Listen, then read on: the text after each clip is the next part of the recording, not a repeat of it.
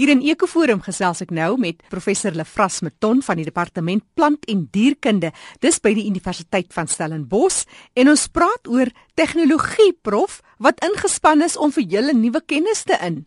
Dit is mos nog maar altyd moeilik as mens ekologiese studies doen vir alles wat by waarneming van diere kom. In die ou dae dan het ons mos nog maar gesit, jy bou 'n platform met die nuwe tegnologie met al hierdie kameras en al hierdie fancy goed wat mens deesdae kan koop, dan jy mos nou kameras opstel en die kameras sonder dat jy by hulle hoef te wees, kan elke sekonde soos jy hulle stel kan dit 'n foto neem en so kan mens natuurlik nou baie baie meer inligting in die hande kry oor wat daar buite in die veld aangaan. En dit was een van prof se studente, Chris Broekenhoven, wat byna 600 000 fotos geneem het.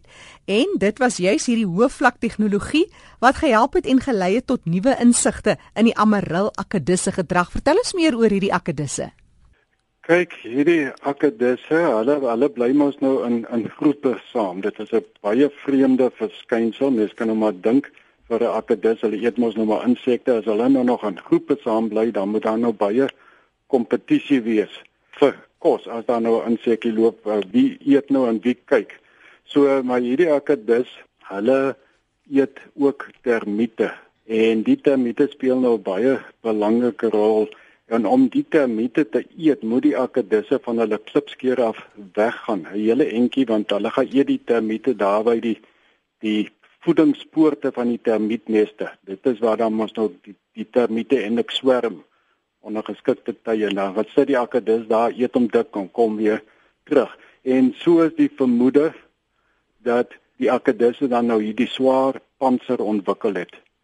Want as hulle so ver weg van die klipskere af is dan uit die meisonne en die goed nou vang hulle. So hmm. hulle het nou swaar oor tyd nou evolusionêre tyd het hulle hierdie panser stekels ontwikkel, maar dit maak hulle stadig. So nou as by die klipskere Uh, as die akedisse nou in die son sit en bak want hulle is mos nou koudbloedig so hulle ja. moet elke dag maar bietjie in die son sit en bak dan is hulle nou weer blootgestel aan roofvoëls. En om 'n roofvoël te ontsnap moet hulle weer vinnig wees. Jy weet so heel die mekaar speel. En so het die akedisse dan nou beginne om saam te lewe in groepe want dan is daar nou die baie oë wat kan dophou vir roofvoëls Maar om in 'n in 'n groep te bly, soos ek sê, is daar nou weer kompetisie van kos. Ja. Hulle kan nie net op termiete lewe nie. Hulle moet ook ander uh insekte eet.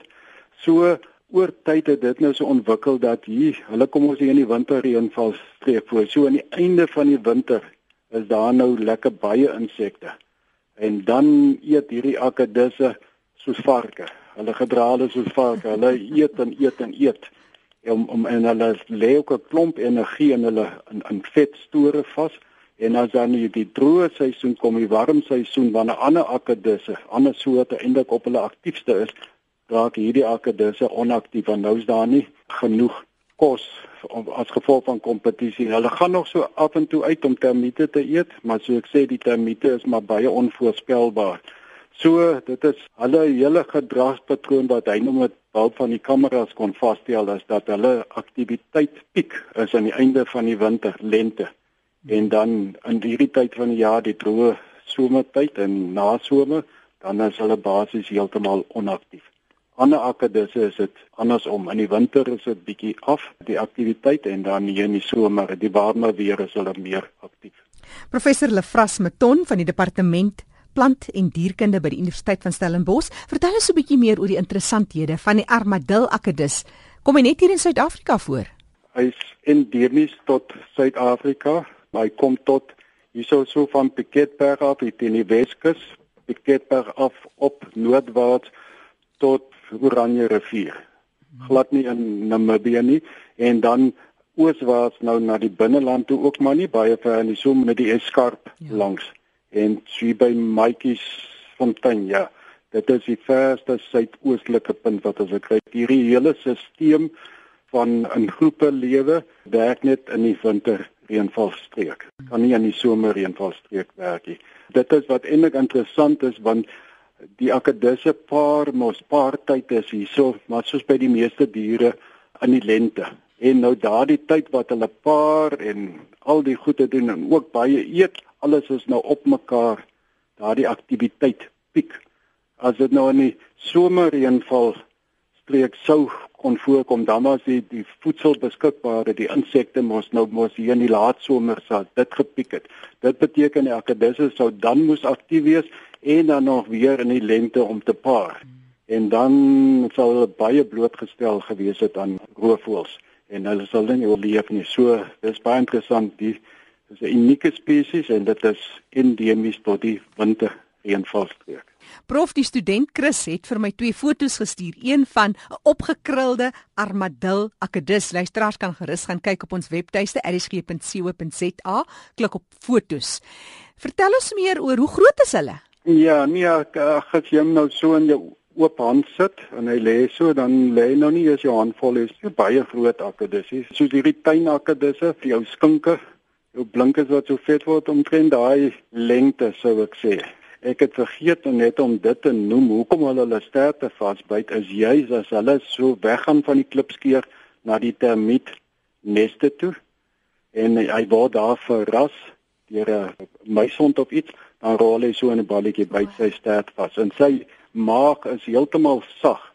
Maar as jy soek moet sy jou vinger probeer druk op sy maag, hy draai die hele tyd die lyf in die stert so om die stekels sy maag te laat beskerm en en daai stekels is skerp as jy so 'n klompie akkedisse gehanteer het dan voel jou vingers dit mm. en en uh, 'n meisond sal nogals 'n probleem hê om daai akkedisse te kan stukkend byt. Chris het nog ander studies ook gedoen om dit alles dit te toets en dit is baie fantasties. Hy het nou al die predatore gekyk hoe sterk hulle kan byt en of hulle deur die akkedis kan byt en uh mens sal nou nie dink nie maar die stokstert meerkat, die gewone meerkat, ja. hy is die een wat die die grootste probleem vir die akkedis nou.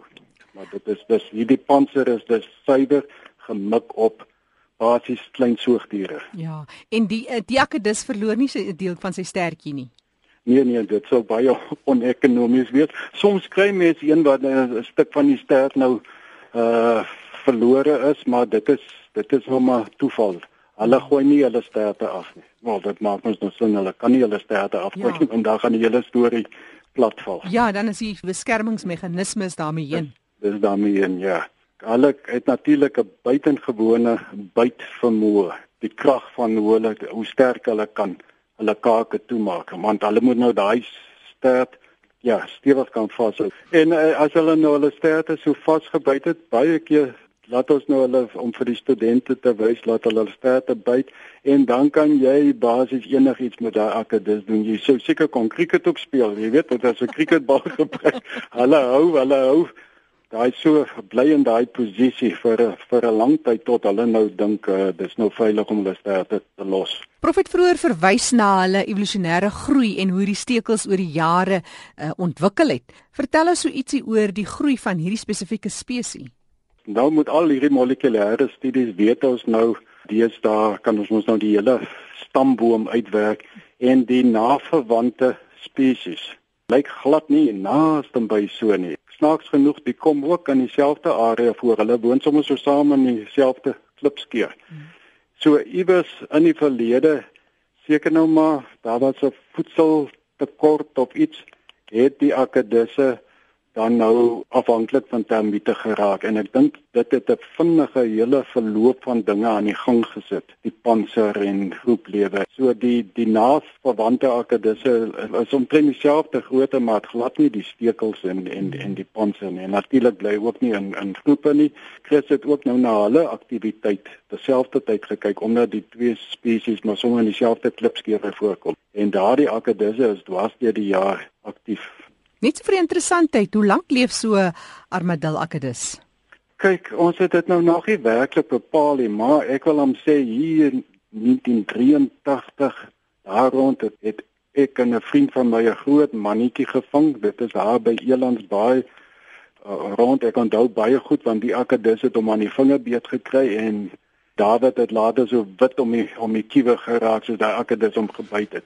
Nou dit was 'n groot mannetjie. Kyk mens kan min of meer aan die grootte van die akkedisse sien hoe oud hulle is of alles dat hulle ouer is. En ons het daai mannetjie hier in die departement aangehou vir meer as 20 jaar.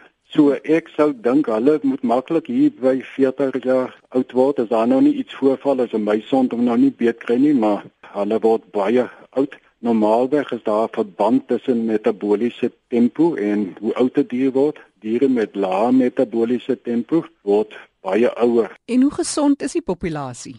Nee, oorvader, dit is. Ek moet nou seker uit 'n natuurbewaringsoogpunt nou nie sê waar daar baie van hulle is nie, maar hier is dan kolle kan nie dink aan 'n ander akedus waar mense so kan staan op een plek hmm. en op 'n mooi dag en dan tel jy al die akedusse wat om jou sit. 'n Baie gesonde populasies en daar's natuurlik nou meer perifere streke soos in die Cederberge waar die getalle baie minder is. Dis 'n natuurlike ding. Kyk, dit is 'n baie gewilde troeteldier en hmm. hierdie spesies was vir baie jare op die rooi data lys van bedreigde spesies as gevolg van vermoede handel met die uh, troeteldier. Maar daar is so baie van hulle. Die die spesies nou afgehandel. Ek sê nou nie dat die handel nou moet ja, kan maar ja, voortgaan ja. nie. Dit is in elk geval teen die teen die wet, maar dit is dis definitief nie 'n bedreigde spesies nie. En dit is nie so maklik om hulle te vang nie en hulle kom kol kol voor. En so gesels professor Lefras Meton van die departement plant en dierkunde by die Universiteit van Stellenbosch. Hy het met ons gedeel oor 'n baie besondere akedus en van tegnologie wat hulle help het om meer te leer oor die gedragspatrone van die armadil akedusse. Professor Meton het vir my gesê hierdie gedrag moes oor duisende jare ontwikkel het, alles om 'n oorlewingsstrategie te bevorder.